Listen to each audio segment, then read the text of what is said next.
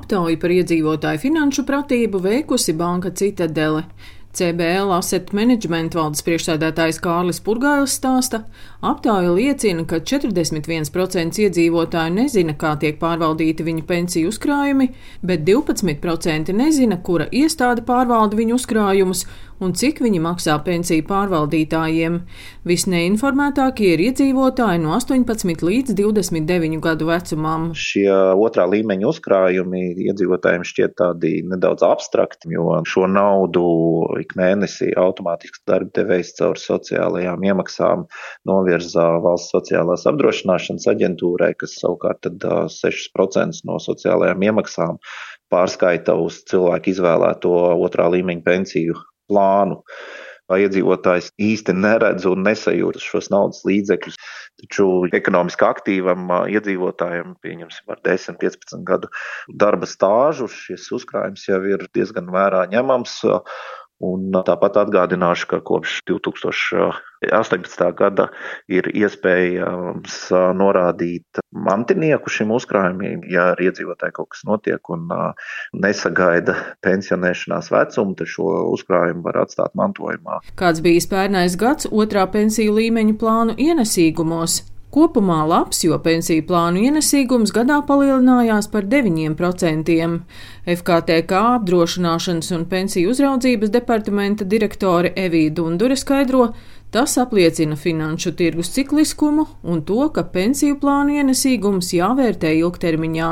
Pagājušais gads bija raksturīgs ar to, ka ļoti strauji auga arī iemaksas otrā pensiju līmenī. Kopumā Latvijas iedzīvotāji iemaksāja 1,4 miljārdus eiro. Uz gada beigām uzkrājums otrā pensiju līmenī bija 6 miljārdi eiro. Pagājušais gads parādīja, ka ieguldījumi kapitāla vērtspapīros ir ar augstāku ienesīgumu, tas ir akcijās un, un ieguldījumu fondos. Kopējais ienesīgums pat bija 12,3 gadā. Savukārt ieguldījumi valsts obligācijās vai valsts parādzīmēs pagājušo gadu mēs noslēdzām ar mīnus 1,3% ienesīgumu. Kopējais ienesīgums bija pāri pa 9% gadā. Latvijas bankas vecākā finanšu pratības speciāliste Aija Brikša stāsta, ka arī Finanšu kapitāla tirgus komisijas iepriekš veiktās aptājas liecina, ka zināšanas par ieguldījumiem un pensiju sistēmu ir viens no finanšu pratības vājākajiem posmiem. No otrajā pensiju līmenī mums katram tiešām tie uzdevumi ir veicami vairāki. Viens ir nu, izvēlēties savus pensijas pārvaldnieku, otrs ir izvēlēties šo konkrēto ieguldījumu plānu. Tieši šim ieguldījumu plānam patiesībā ir ļoti liela nozīme, cik daudz naudas mums tajā pensiju vecumā būs.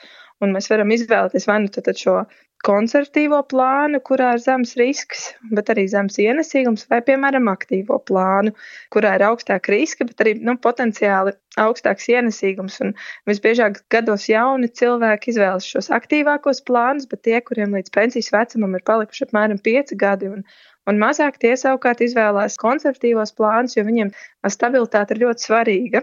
Šobrīd katrs otrais pensiju plānu dalībnieks Latvijā var izvēlēties kādu no septiņiem plānu pārvaldītājiem un 29 pensiju plāniem. Aktuāls jautājums - cik lielas ir katra pensiju plānu pārvaldītāja komisijas maksas?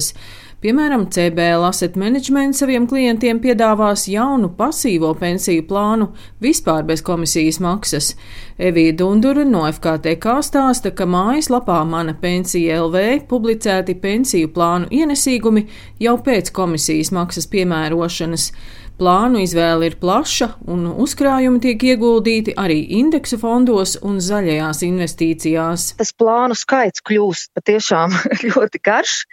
Bet no otras puses, jo lielāka izvēle, jo labāk mums, un lielāka konkurence galu galā, kas atkal ir labāk patērētājiem. Arī, protams, katru plānu pārvaldīt atsevišķi arī izmaksā kaut ko. Tomēr tādu zināmu dažādību noteikti saglabās pārvaldnieki, jo tomēr ir arī svarīgi, lai būtu vairāk aktīvi, mazāk aktīvi plāni, nu, lai būtu visām gaumēm. Labā ziņa ir tā, ka šobrīd arī tiek virzīta likumdošanas iniciatīva, ka mēs varēsim vieglāk un ērtāk piekļūt informācijai par mūsu uzkrājumiem arī otrā pensiju līmenī, caur varbūt pat internetbanku risinājumiem, bet tas vēl ir likumdošanas procesā. Informācija par pensiju plānu ienesīgumu pieejama mājaslapā Mana pensija LV.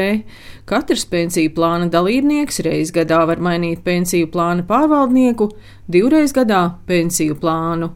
Daina Zalamane, Latvijas radio.